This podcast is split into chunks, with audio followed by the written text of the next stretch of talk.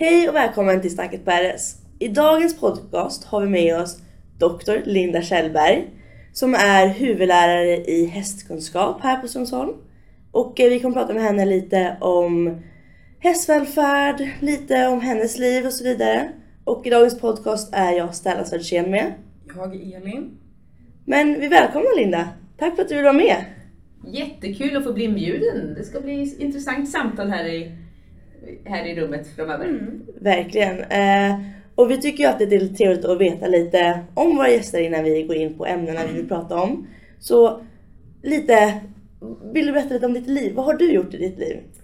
Ja, jag har, eh, jag är, man tar det yrkesmässiga så är jag husdjursagronom från början. Eh, vilket innebär att jag har läst på Ultuna. Eh, och eh, där, eh, redan där så, jag är lite hästtokig från botten. eh, vi har ju många som börjat rida i tidig ålder. Eh, och eh, sen så i min hus, agronomexamen där så fick jag också läsa en hel del hästkunskap. Jag var faktiskt uppe och argumenterade för att det skulle bli lite mera häst i utbildningen. Ja, För det, var smart. också, ja, det här var i början på 90-talet och man hade mycket mer fokus på lantbrukens Mm. husdjur då. Men någonstans där kring 90-talet så kommer en boom kring hästar. Det, då börjar det komma naturbrukslärare, eh, naturbruksprogram med hästinriktning. Eh, och, så, och jag läste faktiskt också efter min eh, agronomutbildning så läste jag till naturbrukslärare. Okej. Vilket gjorde att eh, ett utav, ja, mina, sen har jag jobbat som naturbrukslärare, började jobba uppe i Grals. Jag jobbade där ett år, sen jobbade jag på Tenus naturbruksgymnasium och sen så började jag jobba här.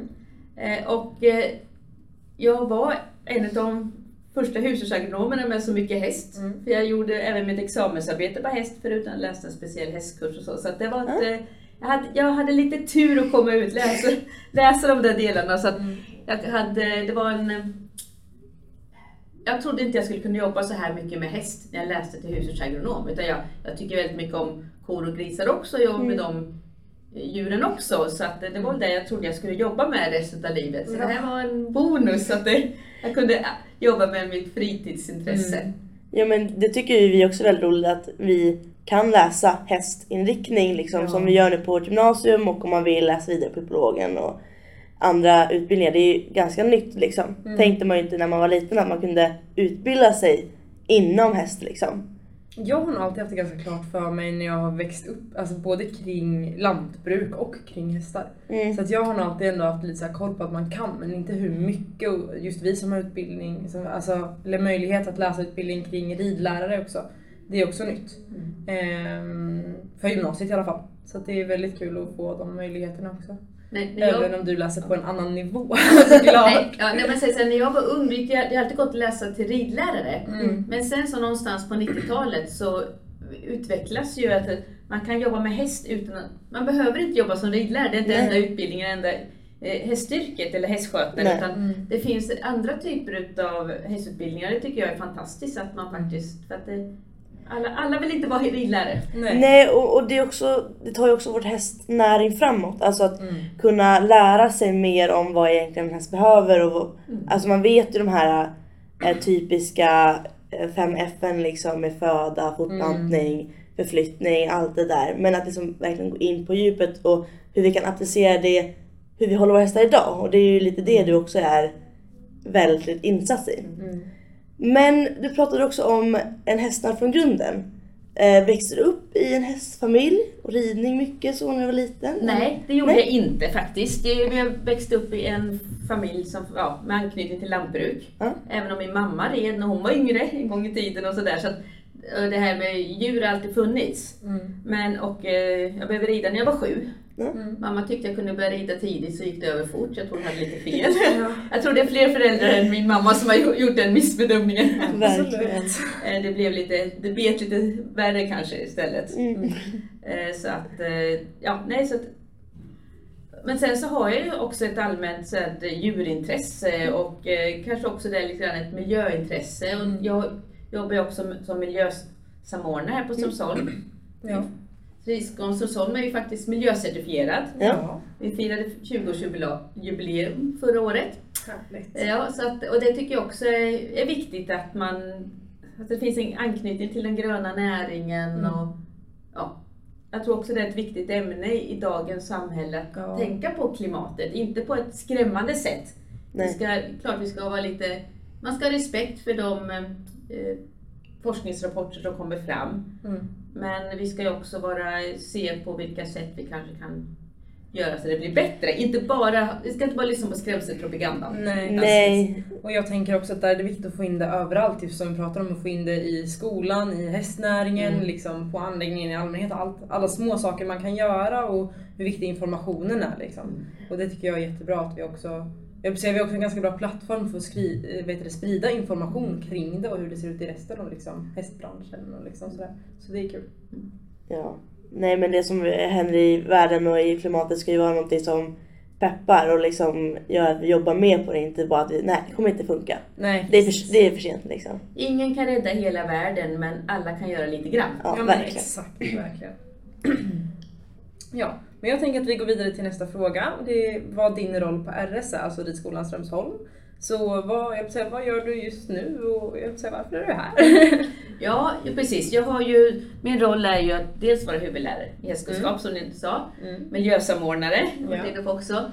Eh, och sen så är jag också forskare. Mm. Eh, nu har jag inte li, lika stor del av min tjänst som forskning längre eftersom jag disputerade Mm. i, eh, i december. Mm. Men jag har fortfarande en del forskartjänst och jag har fortfarande så att jag har möjlighet att bara, Igår till, var jag till exempel iväg till Jordbruksverket och presenterade mina forskningsresultat för dem. För de var ju intresserade av att höra, alltså vi har tittat just på det här med eh, hur man ska, ligghallarnas eh, mått, hur mycket Mm. liggyta behöver hästar och det är ju Jordbruksverket som gör de föreskrifterna som gäller när det gäller djurskyddet i Sverige. Så att det var, intress- var kul att åka ner och informera dem vad jag kommit fram till och sånt. Så att jag har ju fortfarande eh, så att idag kan jag säga just, jag har inga några direkta projekt jag jobbar med Nej. inom forskning, men jag jobbar ju fortfarande mycket med att sprida forskningsresultat. Mm. Mm. Och där ska vi komma ihåg att det, det är väldigt viktigt även för forskare att inte bara forska och, och göra en studie, Mm. utan sen också faktiskt sprida resultatet. Man kan Mm. kalla det för forskarens tredje uppgift. Men för det, du blev ju klar med din doktorexamen nu eh, nyligen och disputerade nu i december. Berätta lite om den resan. Det är ju ändå en ganska lång resa man gör för att liksom komma fram till själva skrivningen och den fina titeln som den blir, att man blir doktor i liksom hästvetande. Det tycker jag är väldigt coolt. Mm. Ja, ja det, har, det har nog inte sjunkit in riktigt grann Nej. nu som den titeln. Jag nu sa doktor här och ja, innan. Så att, ja, man blir så här lite, oj då, är det mig man pratar Ja, exakt. Eh, Men ja, den resan var ju att det här, jag har ju faktiskt eh, Jag har ju faktiskt gjort lite småstudier under lång tid och jag tittade faktiskt på liggtider redan 2008 Mm. tillsammans med en annan eh, kollega inifrån Ultuna. Men då tittade vi jämfört med hästar som stod i spilta och hästar som stod i box Mm. och tittar lite grann på liggtider. Så jag har varit inne på den biten och eh, har eh, vi har haft lite, det har varit ett antal examensarbeten och man har presenterat, gjort små forskningspresentationer. Men sen fick jag då möjlighet 2015 att påbörja en fördjupad, Mm. liksom verkligen kunna satsa på det här. Och det har varit skithäftigt. Det har Ja. varit, det Jag har kan varit tänka mig det. det har varit så fantastiskt och just det här att kunna få nörda ner sig Ja. i någonting som bara som, som är väldigt intressant för mig. Mm. Eh, och som jag tycker är viktigt. Och sen har jag också tyckt att väldigt jag tycker alltid är väldigt kul att lära mig saker. Så jag har inte bara gjort en studie där jag har filmat och tittat på hästar.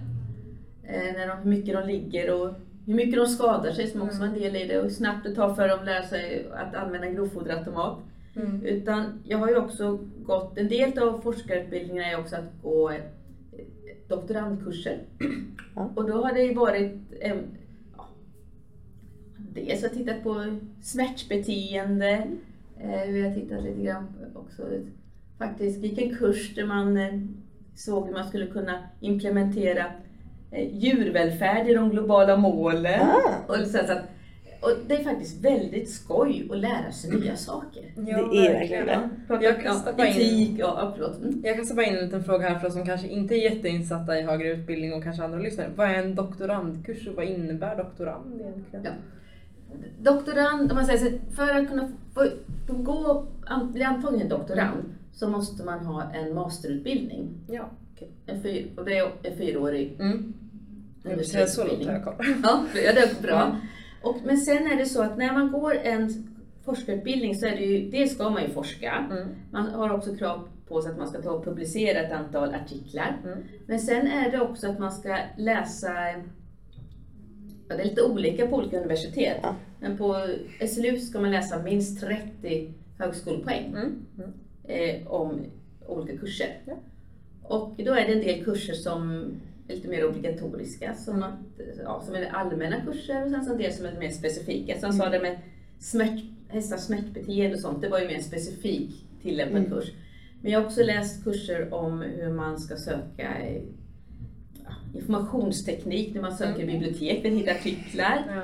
Eh, Jag har läst kurser om eh, djuretik, Mm. eh, om forskningsfilosofi. Eh, så det har, och som sagt de här globala målen var också med en allmän kurs. Mm. Så det här, och där handlar ju mycket om att, eh, och det, och det, allt det, det är mycket en träning i att man också ska kunna skriva bra art- artiklar. Mm. Jag har också gått en kurs som jag skriver en artikel, Ja. Ja, men artikel och bygger upp en hur man sån. så att- hittar och använder sin information Ja, för att kunna nå ut till många. Liksom. Mm. Och sådär. Och det handlar också mycket om att man ska kanske ibland lite grann orientera sig för att man ska kunna veta vad, exakt hur ska jag formulera Ja. min, mitt forskningsproblem. Mm. Även om man har ett, liksom en, man börjar ju inte bara att när man börjar en forskningsutbildning så vet man vad man ska forska på. Ja. Men, men det kan ju fortfarande vara att det kan Svänga lite. svänga lite Ja. grann. Och de här eh, kurserna hjälper ju en också att eh, inte bara liksom fokusera exakt vad jag ska ta reda på. Det handlar ju också om kanske att sen vi kommer att eh, hur man ska analysera problemet. Ja. Jag har läst statistikkurs också. Mm. Ja, nej, men så här, hur man ska analysera problemet Mm. och diskutera problemet. Så Ja. att det, och då finns det ju en del ja, lite mer allmänna områden som kanske inte just handlar om djurens beteende, Nej, häst Nej. och sånt. Så, att, så, så ser det ut. Mm. Och sen så för att kunna gå upp och disputera så måste man ha minst en, på SLU är det så att då måste man ha minst en eh, artikel som är publicerad. Mm. Eh, och sen ska man ha eh, minst en som är submittad, som är inskickad till en vetenskaplig Mm. tidskrift och en som, som manus. Nu hade jag väldigt, ja, jag hade väldigt bra handledare och fick mycket hjälp så jag kunde faktiskt gå upp med tre publicerade artiklar Mm. och en som manus som jag hoppas vi jobbar med att ska skicka in Mm. här nu under våren. Kul. Den sista sen ska också bli publicerad. Eh, Så att det, var ett, och det som var roligt liksom med de här artiklarna det var att helt plötsligt, jag fick ju massa läsare på dem. Det var ju många, Mm. en av en av dem har flera tusen nedladdningar och det blev jag såhär, va? Är det fler som är intresserade Ja. av det här? Ja men det, var, det var jättehäftigt för det var ju Mm. någonting jag, alltså, alltså andra tycker också det här är Ja, ja, intressant och spännande. Ja. Ja men det är ju lite det man hoppas på, att liksom Mm. ens kunskap ska komma vidare liksom. Mm. Så det, som vi hör ligger det ju ett deljobb bakom liksom, att få den här fina titeln. Eh, och det är ju väldigt coolt eh, Ja men det är ju någonting man har achieved liksom, uppnått. Ett, ett, jag antar att det är ett väldigt stort mål. Ja, det är det. Självklart är det. Och det var fantastiskt att kunna påbörja. Vi, oftast är man lite yngre än mig när man börjar påbörja en sån sak. Så att, men det är ju som sagt en fantastisk förmån att jag har kunnat möjlighet att göra det här på Strömsholm. Och det är liksom en fantastisk organisation att jobba i. Och kunna, det var att man har, jag har jobbat här i 25 år. Jag, jag har bytt jobb många gånger. Ja. Så jag har inte behövt lämna Strömsholm, lämna Nej. organisationen. Och det har varit en fantastisk möjlighet att kunna Mm. utvecklas så här. Ja, det finns ju Ja. mycket kunskap här. Ja. Och hjälp, få hjälp av. ja, och mycket stöd och hjälp och Mm. kollegor och chefer och sånt. Så det Ja. har varit fantastiskt.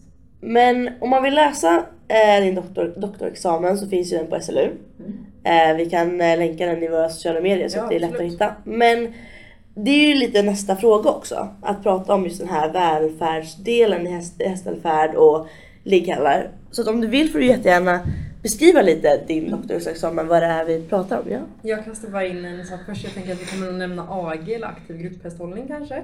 Så jag tänker att vi eh, kan förklara vad det är först. För det är nog kanske en del lyssnare som inte har hört eller vet vad det är för någonting. Så jag tänker att du kan få förklara det. Precis. Eh, alltså, eh, vi kallar det här på social för aktiv grupphästhållning. Mm. Och det är ju en, en form av lösdrift. Eh, anledningen till att vi har valt eh, det här begreppet aktiv grupphästhållning eh, det är för att det är en lite mer speciell form av lösdrift där man har en mer mekaniserad form av lösdrift. Framför allt så handlar det om att man har automatiserad eh, utfodring. Mm.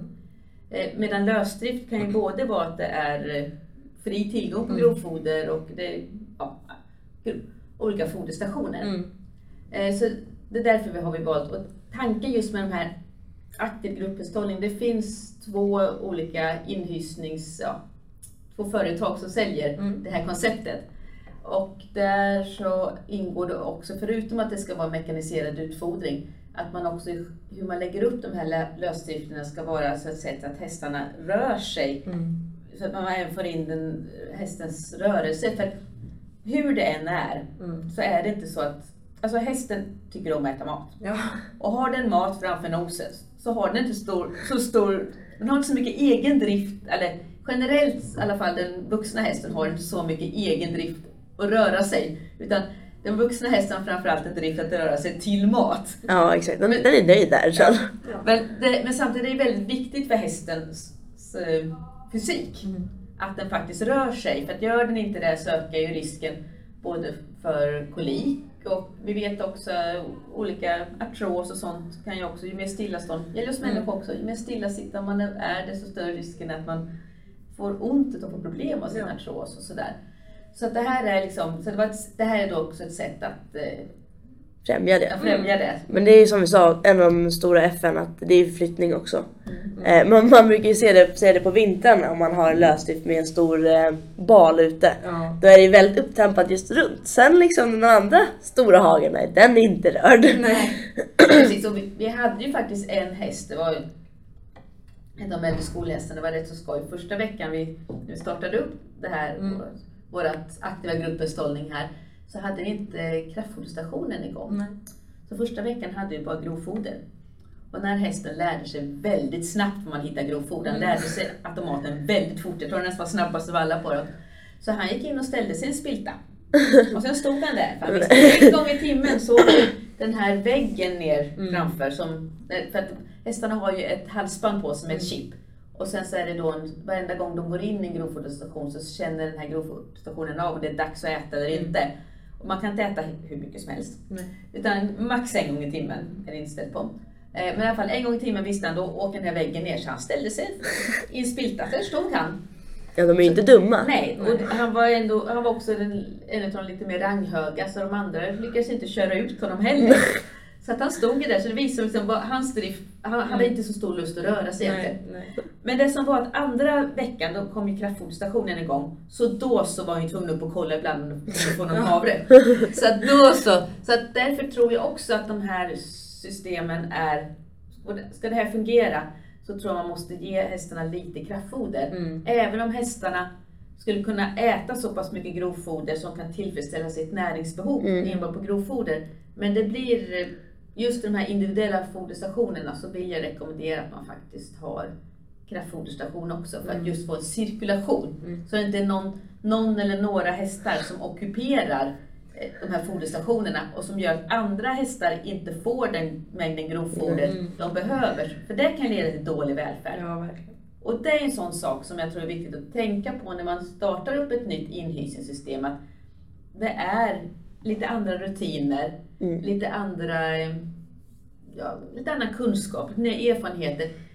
Det är inte som att ha hästar på box Nej. Nej. och, och släppa ut dem i en hage och, komma där med en lunchpåse till dem. Nej. Utan det här det kan kräva lite andra saker. Så att det, det, och, och så, så att det är därför som man... Det är sånt vi behöver lära oss mer om. Ja, verkligen. Och det, gör, det här med aktiv grupphästhållning, lite av det som är skärm med det, det är ju att vi kan mer individanpassa hästens näring och foderintag eftersom de är, jag tycker det är väldigt intressant de här med chippen, att man liksom kan använda dem så smart. Att man liksom också vad jag förstått kan se om hästen har hur mycket den ätit under ett dygn. Mm. Eh, vilket också gör ju att om det är ett sånt här problem som du nämner att hästen inte får tillgång till sina foderautomater. Då ser man också det. Att oj, nu äter inte KOL-P eh, så bra som man ska göra. Då kanske man kollar, okej får han inte plats? Eller kommer han inte dit? Eller är han skadad? Har han feber? Alltså man, man kan också läsa lite av det. Vilket man inte ofta gör med vanlig lösdrift. För då vet man ju inte om hästen äter Nej. egentligen. Nej precis, men samtidigt ska man vara medveten om att man kan bara se det i efterhand. Ja. Så my- du måste ju faktiskt, det, det som är en stor skillnad när man har hästar i lösdrift jämfört med box, det är att man faktiskt måste gå ut och titta på hästarna, man måste kunna bedöma hästarna. När man har hästar i box så kan man se, har hästen ätit upp? Har hästen druckit vatten om det är så att man ger dem i, i hink? Har de eh, kissat? Har de bajsat? Och när man leder dem till och från hagen, är de väldigt halta så ser man det även i Ja, just Ja och så vidare. Och förhoppningsvis när man sätter på en grimma så blir det automatiskt att man tittar över hästen lite grann. Eh, så att är man oerfaren och oerkunnig så kan det ibland vara lättare att upprätthålla en god välfärd hos hästen genom att ha den i box och släppa ut den i en stor hage. Men självklart så är det så att är det så att man, eh, man kan vara oerfaren och ändå ha den i lösdrift, men då hoppas jag att det, då är det bra om det finns någon annan som Ja, på lösdriften och någon som, kanske någon stallchef som har lösdriften som kan bidra med den kunsk, liksom, Mm. sitt hästöga. Mm. För när hästar går på en lösdrift så måste man kunna titta mer på hästar, kunna be, bedöma, Ja, läsa av dem. ja, läsa Mm. av dem och man måste faktiskt lägga ut, eh, även om man inte ska, man, hästar måste ju inte ridas varje dag. Nej. Det funkar alldeles utmärkt att rida hästar två dagar i veckan. Mm. Men de andra fem dagarna så måste man ju ändå gå ut att titta på dem. Kanske Ja. gärna två gånger om dagen och se för att det kan hända saker mellan, ja, mitt på dagen om man bara tittar Ja. på morgonen och så går det nästa morgon när man ser dem igen. Det blir väldigt långt spann liksom. Ja, Mm. så man måste lägga in lite mer kontrollpunkter, lite mer visitering, bedöma hästar. Och, så att det, och gör man det så tror jag den, man kan uppnå väldigt hög hästvälfärd i, på en, när hästar går i en sån stor Ja. grupp. Men vi, vi måste komma ihåg att det, det kräver lite en annan typ av rutiner. För att annars Ja. kan det faktiskt bli sämre Ja. än att ha hästar i box. Så det, ska man, det finns en, risk, det finns Ja, en, fara, en risk med det. Det måste man vara balans. medveten om. Ja, eh, det finns ju både för och nackdelar som vi går igenom då. Eh, och då började vi prata lite vad det du har forskat kring så jag tänker att vi går väl vidare på det mer exakt. För det är ju liggbeteende och sådär. Eh, så då kan du gå igenom det lite, lite mer så. Ja, Vi har ju tittat lite grann på hur eh, ger testarna tillgång till olika, liggha, olika stora ligghallar i olika perioder. Och, det börjar, dels titta, och så tittar vi också på i box. För att kunna ha ett, det som kontrollgrupp, eh, för att det är ändå, det är ändå när de står de flesta, vi är väldigt vana vid att ha hästar på box och det kan vara någonting som väldigt många kan ha lätt att relatera till. Mm. Hur det, ja, Ja. det, så, Hur det fungerar. Det hur det fungerar. Det, eh, precis, så, ja. så att vi har tittat dels på hästarna på box och sen ute i, går det ut hos en aktiva grupphästhållning. Och då vi först dem eh, en tillgång till eh, 8 kvadratmeter liggyta per häst som är minimimåttet enligt djurskyddsföreskrifterna. Sen så utökar vi det till 18 kvadratmeter och sen till 28 kvadratmeter. Och vi kan se att hästarna ligger, inte, ligger minst, ligger betydligt mycket mindre på 8 kvadratmeter. De ligger, sen så tyckte jag inte det var så stor skillnad mellan box eh, 18 kvadratmeter och 28 kvadratmeter. När de ligger, har 8 kvadratmeter, då ligger de en till två timmar i snitt. Eh, och sen så när de har eh, i de andra systemen det 3 till 5 timmar. Mm. Och det kanske man tycker att en till två timmar, det kanske inte är så mycket. Men samtidigt ska vi komma ihåg att vilda hästar ligger en halv till två timmar. Mm. Så att om man tycker att den vilda hästarna är en bra referenspopulation så räcker det med 8 kvadratmeter. Men vi ska komma ihåg att vilda hästar de, de eh, ligger inte så mycket för att de, eh, det är rovdjur, de Ja, vågar inte det är lägga sig ner. De kanske inte alltid har så bekväma liggplatser, Nej. det är inte alltid en mjuk skön ströbädd och så vidare. Och lite sådana saker. Så att, och jag tycker väl att vi skulle kunna erbjuda våra hästar lite mer än så. Så därför är min rekommendation att man ska höja det minimimåttet. Mm. Men man behöver inte höja det hur mycket som helst. Nej. Vi såg det att det var ingen skillnad mellan 18 och 28 kvadratmeter. Nej. Så att jag menar, för det kan vara en ekonomisk fråga också hur stort man ska Ja. liksom bygga. Och sen vet inte jag om, om det är det kanske räcker med 10 kvadratmeter eller det kanske Mm. räcker med 12 eller kanske Mm. räcker med 15. Vi, vi, har mer forskning kvar att göra Ja, där. Vi tittar på de delarna. Mm. Eh, men eh, någonstans där, det- 8 kvadratmeter är för lite. Ja, det, men det är ju också liksom det som gör det här forskningen och liksom hela, hela hästvälfärden svår. Att det ska ju vara god hästvälfärd men det ska också vara så görbart som möjligt för oss som har hästarna. Att vi vill göra det bästa för hästar men så många ska ju kunna göra det också. Ja, och det, ännu mer när vi pratar hästvälfärd så är faktiskt hästvälfärd är inte så generellt utan Nej. hästvälfärd är varje hästs egen subjektiva upplevelse utav situationen. Och det gör det ju ännu svårare. Ja, och det, och det är faktiskt så att jag är helt övertygad om att det finns eh, lösdrifter där man har 8 kvadratmeter och det funkar, hästarna sover 3 till 5 timmar för det kanske är en väldigt väl fungerande grupp. Eh, och de eh, känner sig trygga och kan ligga tätt och så. Eh, så att, som gör att det kan funka alldeles utmärkt i den flocken. Mm. Men jag tänker att vi ska försöka ha lite mera generella Ja. eh, rekommendationer för att också att eh, ska, så att vi också kan se att så det funkar i de allra flesta fall. Och Ja. därför tycker jag 8 kvadratmeter är för lite. Så att, Ja. eh, Mm. Men det, för det är ju det vi strävar efter, att det ska bli så bra som möjligt för många hästar. Och det är ju också det som är lite bra med... vänta, förlåt. Herregud. Eh, det som gör det så lätt på Strömsholm är ju att vi har ganska många typer av inhysningssystem nu med aktiv grupphästhållning. Så att vi kan använda det på våra hästar. De som verkligen behöver och trivs på AG har möjligheten att gå där oftast. Och om man ser, märker att en häst inte trivs så mycket på AG så kan man ju då flytta tillbaka den till en box. Alltså vi kan mm anpassa det lite. Mm. Plus att det är också någonting som jag tycker är viktigt för alla som studerar här. Mm. Att man får också medveten om att det är lite olika rutiner beroende på vad det är. Vi har ju även som sagt inte, inte bara aktiv grupphästhållning, vi har ju konventionella inomhus uppvärmda boxar. Sen har vi Kungs som är lite mer utav ett uh, utestall och Ja. vilka krav det ställer på olika rutiner och, och sådär. Och eh, även om jag vet att ni har era hästar i lite mer konventionella stallar, Ja. era skolhästar, så vet jag att ni, ni är ni är nere och jobbar emellanåt Ja. i, i Kungsstallet Mm, mm. och även ute på aktiva grupphästhållningen. Så Ja, att ni får en eh, introduktion och får en uppfattning om hur det fungerar där. Mm. För det finns, all, det finns alltid fördelar och sen finns det några nackdelar. Ja. Ja, men, alla in, det, det, så är det. ja, men verkligen. Och vi har ju några hästar nere på aktiv grupphästhållning också. Mm. Och lite hästar som har flyttat till aktiv grupphästhållning och från aktiv grupphästhållning. Eh, och som du säger så är det jätteviktigt för oss att få kunskap om de olika inhysningssystemen som vi har. Och det är väldigt roligt att vi har väldigt olika så det är inte samma här. Men för vi som du sa, vi har ju eh, mer kallstall, alltså som inte har värme då, utan har en mer Det eh, är mycket mer öppet och mycket naturligare ventilation och så vidare. Eh, vilket gör också att det blir kallare i stallen men det blir också en väldigt bra luft till exempel. Som påverkar mycket av stallklimat och sådär. Exakt. Så har vi AG som vi pratar väldigt mycket om och så har vi de konventionella eh, varmstallarna Ja. som vi har. Eh, vi har väl tre stycken varmstallar. Ja. Eh, och det är väl de vanligaste inhysningssystemen skulle vi säga. Ja, boxar är helt klart det vanligaste systemet, inte bara i Sverige utan även man ser runt om i, i världen. Ja. Eh, så att, men det är ju det blir ju allt fler och fler lösdrifter och Mm. både intresset för lösdrift och intresset för hästars välfärd ökar ju Mm. i Sverige och i hela Europa. Och jag vet 2016 så fanns det lösdrifter på 20% av svenska häststallar. Mm.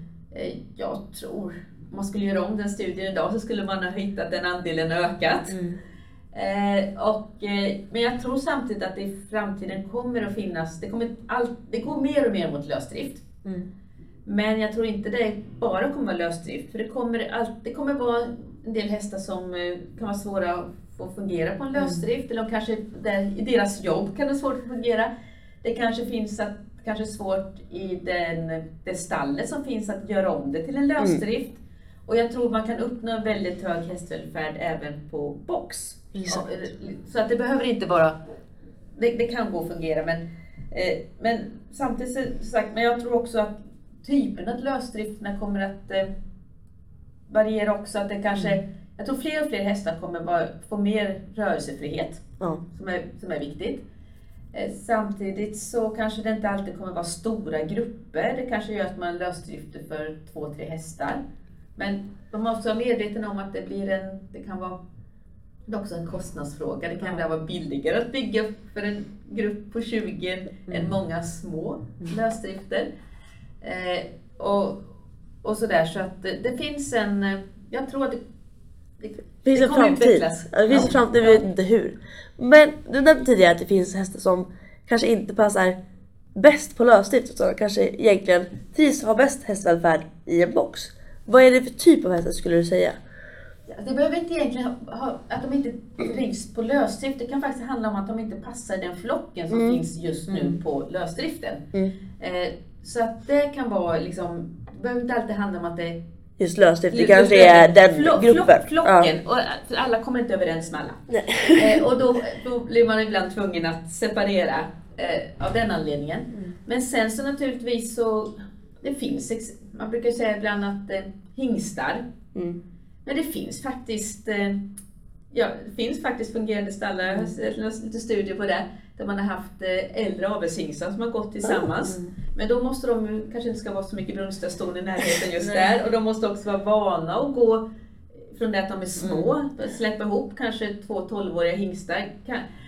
Förr eller senare kan de säkert gå ihop men det kan ju hända saker på vägen som Ja, man har tänkt sig. Så att jag menar, jag vill, så man måste liksom vi måste komma ihåg också att hästar måste lära sig och träna sig i att umgås. Och hingstar är faktiskt otroligt sociala. Ja. De är det sociala könet många gånger. Mm. Sen kan jag säga att sen det finns det faktiskt många gånger, det kan ibland vara problematiskt med, med ston. De kan Mm. ibland vara mera är, ilskna. Men också här saker som handlar om att, det, men det hästar oftast slåss om, eller liksom har lite dispyter om, det är ju att tillgångarna. Ja. Och det, en tillgång kan ju dels vara foder, så är det begränsad fodertillgång så kan det vara ett problem och det kan man säga ganska, det hade vi problem med ett år vi hade stona på Lö- vår taktiska Mm. Därför att det, det blev lite mycket, de eh, stod och vaktade på varandra utanför foderstationerna och de Mm. rök ihop med och det blev en del skador, alltså inga allvarliga skador men tillräckligt för att jobbar man som ridskolehäst på Strömsholm Mm. eller skolhäst på Strömsholm, då ska man kunna jobba ja, Så mycket som ja, sju dagar i veckan i princip. Mm, Det, nu går inte, rids inte hästarna de rids 56 dagar i veckan, Mm. men de ska i princip kunna gå sju dagar i veckan. Mm. Och har man fått en liten smäll så man är lite halt eller Mm. lite svullen, ja, då, kan man, då blir man sjukskriven ett par dagar. Och det, det, ja, Funkar det, inte. Håller funkar, inte. det funkar inte om man ska ha skolhäst på Strömsholm och då måste vi se till att de håller sig friskt så. Mm. Så att det kan hända att för just för ston så kanske det är bättre att ha lite mer fri tillgång om det går eller ha sådana rullgardiner så alla äter samtidigt. Det finns Mm. ju den typen av foderstationer också. Eh, sen så kan det också ibland handla om yta. Att ju mer yta man har så kan hästarna som, de kan manövrera sig så att då behöver de inte konkurrera om det. Mm. Och det kanske är det som är viktigt om man till exempel har hingstar, att de har stora ytor som de kan välja att Mm. umgås eller inte, som kan komma undan lite grann. Mm. Mm. Och då kan det också bli en ekonomisk fråga, hur det kostar att hårdgöra yta hur, och hur Mm. mycket har vi tillgång, hur mycket mark har vi tillgång till? Så det är inte bara ekonomi utan det är också tillgång på mark Mm. som då gör att det kan bli problematiskt. Och sen är det också så här att när vi tittar på, ska man, har, har man en häst som man ska starta VM om två veckor, alltså skulle den få ett litet bett eller skulle den få en liten spark är lite svullen, ja, alltså den, det, det är ju inte någon katastrof för hästens liv. Men den kanske inte kan starta VM om Nej. två veckor. Nej. Och då kanske man av den anledningen, och den kan mycket väl gå ihop med, häst, med en annan häst ända fram till den ska starta. Men då, den kanske inte kan gå i en stor flock med 25 andra. Nej. Utan då, då går den ihop med någon kamrat som man vet funkar. Mm. och, så det, det finns, som, den hästen kan mycket väl fungera också i lösdrift men för att man ska kunna, för sportens skull så kanske man måste erbjuda en, annan Mm. typ utav grupp, lite mer begränsat. Så att, Mm. Eh, och sen så är det ju som sagt vi har haft hästar på Strömsholm som en del matglada hästar som försöker banka sig in i automaterna. och, så, och det, det blir dyrt att ha sådana hästar för man får laga grejer. Eh, och, och sådär. Så att det, det kan ju ibland vara lite sådana saker som gör att de, hästarna trivs fantastiskt men de kanske inte har varit så snälla mot grejerna Nej. så, att det finns en sån situation. Så det lite- beror på flocken, hur den är utformad och hur alltså själva lösdriften är utformad. Vad hästen ska göra just nu. Eh, vad, ja, Nej men det som, om vi ska liksom sammanfatta så handlar det om, också om hur bra vi kan anpassa den inhysningssystemet till hästen. Alltså den Ja. specifika hästen. Eh, för det är ju så att till exempel en stressad häst kan man ju ofta vara lite orolig för att okej, kommer de hitta ro här? Men om man bara eh, utformar lösdrift så bra som gör att det liksom hittar ro och det här kan det vara själv och här kan det äta för sig själv och sådär. Så brukar det också kunna funka. Alltså om vi tar ett exempel. Ja, vi har ju faktiskt haft väldigt god erfarenhet av att släppa ut hästar som är boxvandrare. Mm. De funkar väldigt bra att gå ut på, en, på vårat AG. Mm. Däremot, eller aktiv gruppbestånd, vi kallar det ibland för AG kanske ska förtydligas. Ja, förkortning. Ja. Eh, och, men däremot så har vi haft sämre erfarenhet att släppa ut hästar som krubbiter. För att de, eftersom det hela tiden de erbjuds grovfoder ganska ofta, det finns foder hela tiden, så det triggar deras krubbitningsbeteende. Så att där har vi faktiskt, vi, ja, är de etablerade grubbiter så har vi, inte nå, har vi ingen bra erfarenhet av att släppa ut dem. I alla fall Nej. på, det, på den, i den lösning Mm. vi har här. Men sen finns det säkert andra som har haft eh, andra Bättre. erfarenheter, bättre erfarenheter av det här. Och det kan också höra om var liksom i stadiet där de har, som har precis har börjat eller de etablerat. Alltså, Ja. man kan, ibland handlar det om att man, om man kan bryta ett be- beteende så kan det naturligtvis fungera bra att släppa ut dem i lösdrift. Men är de väl etablerade så kan det gå sämre. Mm. Och så här, så att det, jag tycker att man får, man ska prova och se. Men man ska också inse att det, det kanske inte hjälper hästen alltid utan man får den, ja, lite Ibland. individuell bedömning. Verkligen. Ja, jag tänker nu bara börjar vi nämna lite stressbeteenden och lite olika eh, ja, beteenden som man egentligen inte vad ska man säga, vill ha på hästar. Något som de kanske egentligen inte är naturligt att må bra av. Men jag tänker också att det kan ju förebyggas genom att gå på till exempel aktiv grupphästhållning eller lösdrift. Så Därför kan det vara bra att vänja in dem som unga på det, kan, tänker jag. Att ha mycket unghästar så att de får röra sig mycket eftersom de också bör röra sig mycket naturligt men inte med så mycket belastning till exempel. Eh, och också vara med så mycket andra, andra hästar som möjligt och ha eh, fysisk kontakt och kunna röra sig tillsammans och allting sånt. Så jag tänker att det är också ett väldigt bra alternativ just för de unga hästarna att gå på lösdrift eller aktiv grupphästhållning istället för att stå på box där många unghästar kanske blir uttråkade till exempel eller att stå i box när de vänds av från sin mamma och vänds av från att dia. Det kan ju också bygga upp till olika slags stressbeteenden och så. Så att, vad jag säga, vad tänker du där? Hur tänker du kring hästarna? Ja, jo, jag tror det också är viktigt. Sen kan jag säga att man kan släppa ut äldre hästar. Och de, alltså det här med att äldre stressade hästar, de kan bli lugnare av Mm. fysisk Ja, kontakt. absolut. och, så där kan man ha de effekterna. Eh, och vi kan ju också, det är ju faktiskt så att vi har ju sett på några av hästar som faktiskt har blivit mera, ja, mera avspända. Mm. Framförallt dressyrlärarna har varit lite förtjusta i Ja. några, lite spända hästar som tycker har blivit mycket mer avspända och lättare att rida. Att, och Mm. så. Eh, och sen så har vi också Flyinge släpper, har ju sett en god effekt på sina äldre hästar som har blivit mindre stela när de Ja. går på. Så att den, de effekterna kan man få. Och hästar kan lära sig de här systemen även i äldre ålder. Det såg vi ju när vi släppte ut, vi släppte ut både unga och äldre hästar. En grupp var 4 till 6 år och en grupp var 6 till 17 år. Mm. Och alla lärde sig foderautomaterna lika snabbt. Så det var ingen skillnad i Nej, häst kan lära sig. Men det jag tror kan vara bra att man, när man, att man ska, därför att man kan släppa ut eh, unga hästar, det är att de eh, lär sig att snacka med varandra. För Mm. då minskar vi skadorna. För att Mm. det har inte hästarna i ung ålder fått lära sig att förs- liksom läsa signalerna av, av andra hästar, Ja. så kan man lätt eh, dundra in i någonting man inte har tänkt sig. Mm. Man kan, eh, man, för, ja, man kan hamna i en dispyt man inte har tänkt sig, man kanske Mm. själv, eh, ja, och så, så jag tror att eh, jag tror det är väldigt viktigt för unga hästar att få gå tillsammans med andra hästar. Och det behöver inte alltid bara vara att de faktiskt ska gå med andra väldigt snälla hästar. Det är ingen nackdel ibland om det är någon liten nervbigga som sätter Mm. dem på plats och säger att nu, när, jag, när jag tar och lyfter bakbenet och blänger lite grann, då ska du flytta på dig. Och det, liksom så här, så att, för att det är inte så att hästar vill inte slåss Om vi inte behöver. Nej, om vi Nej. inte behöver det. Men är det så att inte den där man pratar med fattar så Ja. kan man ibland tända till. Ja. Och då kan det bli ett slagsmål. Mm. Eh, så att jag tror att det är...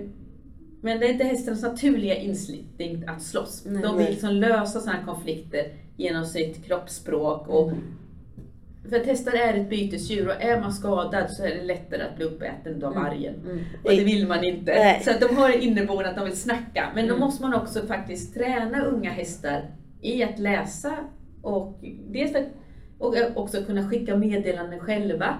Mm. Så därför är det väldigt viktigt, tycker jag, att unga hästar får gå i grupp.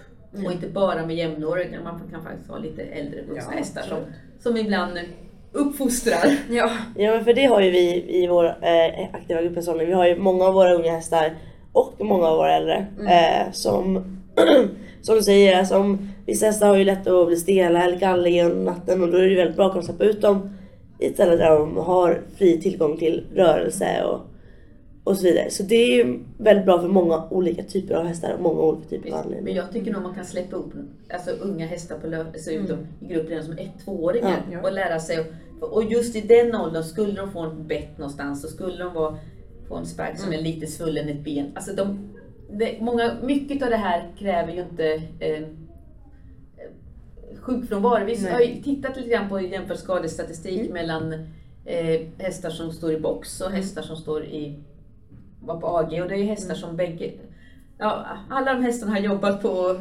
hypologprogrammet så de har jobbat Mm. i samma träningsregim, samma ridlärare, samma underlag och Mm. samma typ, ja, samma kunskapsnivå hos ryttarna. Så Mm. det är väldigt standardiserat material. Sen har en grupp stått i box och en, box, eller en grupp har stått på i en aktiva grupphästhållningen.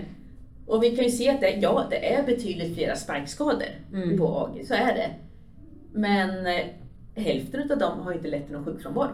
Nej. Så att så, så på så sätt så, och man kan inte se att det är någon skillnad i sjukfrånvaro mellan de olika hästarna. Men en sak som lite grann sticker ut som vi faktiskt behöver undersöka mer, för det här är bara gjort under en eh, stallsäsong.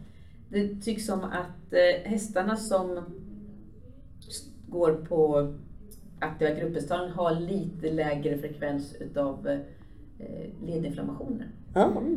Och de har eller olika, ja, jag säger,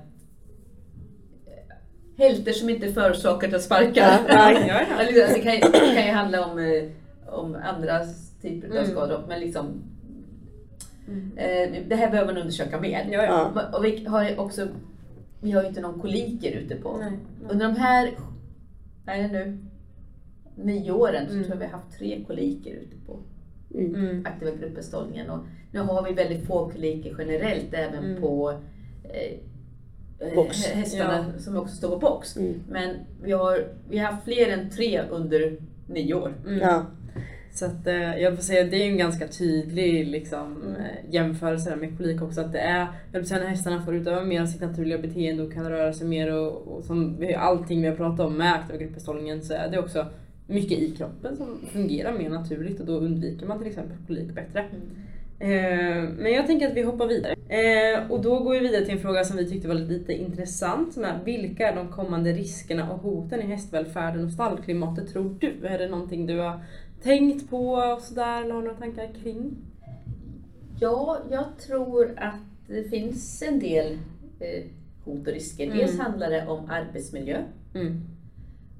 Och därför, och då tror jag, därför tror jag att det är viktigt, och eh, även med ekonomin. Och därför tror jag det är viktigt att vi tittar dels på mekanisering, ökad tidseffektivisering, få ner Mm. personalkostnad. Samtidigt så, så handlar det också om säkerhet. Mm. För, eh, för det, det är inte helt säkert att gå ut och hämta en häst. Så, Man, man, säger så här, man vet att det, det blir mer tidseffektivt och lägre personalkostnad om man har hästarna i stora grupper på lösdrifter. Ja. Men det blir också, kan också vara en ökad risk för människan. Mm. Vi vet att de flesta olyckor sker i samband med insläpp in och Mm. ut ur hagar av hästar. Eh, Så det måste man jobba med. Mm. Samtidigt så kanske det kan vara så att det skulle vara intressant att titta på, har vi flera, är det någon skillnad på ridolyckor om hästarna står på Mm. box eller om de går i Mm. AG? Mm. Liksom, är de mer eller mindre reaktiva? Mm. vi, har in, vi har gjort lite studier och tittat på reaktivitet. Eh, men, men där kunde vi, när man gjorde sån paraplytest, man skrämmer hästarna och ser vilka som blir mer eller mindre rädda. Men Ja. där kunde vi inte se någon skillnad om de gick på AG eller på Nej. i box. Men det kan finnas, det finns ju andra typer av Mm. reaktivitet och ja, olyckor. Mm. Eh, samtidigt så är det ju också så att det är ju ett, eh, ser betydligt trevligare ut att låta hästarna röra sig Mm. året. Det kan finnas en, eh, är det okej att stänga in våra hästar i box? Mm. Även om de, de kanske står på box i 12-13 timmar och sen går Mm. ute Ja. resten. Ja, det kan ju, det finns ju liksom, vad, vad tycker Ridsporten har ju mycket ögon på sig. Ja. Mycket som tycker. Sen, sen så har vi också, måste vi också titta på det här med eh, näringsläckage. Där vi hand om vår gödsel, gör vi det på Mm. rätt Mm. sätt. Eh, Vi transporterar våra hästar oss själva. Det handlar Mm. också om miljö. Så att vi Mm. har lite grann när vi pratar eh, hästbranschen vi behöver titta på. Mm. Men att eh, jag tror samtidigt att det här, jag ser det inte som någon hot, jag ser det som utmaningar som Ja. vi ska lös- lösa. Exakt. Det, det är eh, det är bara någonting man får liksom jobba vidare på. Vi är ju på god väg skulle jag ju säga. Eh, utvecklats jättemycket under de senaste åren. Mm. Eh, Vi börjar prata om de här sakerna och det Mm. tycker jag är väldigt viktigt. Att har man väl börjat prata och uppmärksamma dem så finns det också, då ökar också chansen, Kunskap. kunskapen och Mm. chansen att man ska kunna hantera det. Men vi ska medvetna om att hästar är stora djur. Eh, De är muskulösa djur. Mm. Eh, De, ja, de är fantastiskt snälla. De skulle kunna döda oss flera gånger om dagen om de vill. De har, de har verkligen möjligheter men de är Mm. fantastiska som, som ställer upp på allt vi Mm. ber dem om. Eh, Så att de är, ja, men vi måste ändå vara medvetna om att de kan ibland av misstag, vi kan Mm. ibland komma emellan två hästar. Jag tror det är det som ibland händer vid in och utsläpp, att man Mm. kommer emellan. Det är inte så att hästar är, de, de vill inte de siktar ju inte ofta på människor. Nej. Nej, vi hamnar emellan och vi är vi tål inte lika mycket som en Nej. häst. Nej. Och då är det lite jobbigt. Så därför måste vi ändå få hästen att... eh, Vi måste lära oss rutiner Mm. så att hästen känner sig trygg. Och, att, och rutiner för oss också så att hur vi ska undvika eh, de... Ja, olyckor kommer alltid ske. Men vi Ja. ska Jobba på att jobba bättre. på att minska dem. Ja. precis. Verkligen. Vi tänkte börja avrunda lite. Det har varit ett fantastiskt samtal. Mm. Och vi har en väldigt stor fråga, en väldigt svår fråga tycker många. Eh, och det är bästa Strömsholmsminne. Har du ett bästa Strömsholmsminne? Efter 25 år har man ganska många. Men... Det är exakt det som brukar vara problemet, det brukar alltid vara för många Fast jag tycker att jag fick möjlighet att eh, disputera Ja. och som bli forskare. Och det tycker jag är det bästa minnet Mm. jag har från Strömsholm. Så är det- Kan jag jag disputerade den 8 december, det är mitt bästa minne från, från Strömsholm. Det är fantastiskt ja. Eh, och för att avsluta har vi också en liten sekvens som kallas för fem snabba. Det kommer gå till så att jag kommer ge dig två påståenden eh, som kan vara blå eller röd till exempel. Och då ska du så snabbt som möjligt utan att tänka igenom det egentligen jättemycket säga ett av dem, ett av dem utan så mycket förklaring utan vi vill bara vi gör det här med varje eh, gäst vi har. Så att, eh, är du redo? Spännande. Ja. Ja. Dressyr eller hoppning? Hoppning. Fartfylld utekväll eller lugn hemmakväll? Lugn hemmakväll. TikTok eller Instagram? Instagram. Sto eller varak? Stor. Morgonfodring eller kvällsfodring? Morgonfodring. Snyggt, jag är Ja, snabbast bra. hittills. Jag tror faktiskt det var snabbaste. Det var bra. Jäkligt bra jobbat! Då avrundar vi för dagen. Mm. Vi vill tacka dig jättemycket för din tid och eh, kunskap. Eh, och vi önskar dig lycka till i all din forskning och Ja. allt som du tar dig an. Tack så hemskt mycket för att du kom. Jag tycker det var jätteskoj att få och prata med er. Ja. Eh, Ja, det var fan jättekul. Mm. Tack själv, tack själv. Eh, och vi finns som vanligt på sociala medier under eh, RS Podcast UF och Snacket på RS. Mm. Tack så mycket för oss. Ja, tack för att ni har lyssnat. Hej då! Hej då!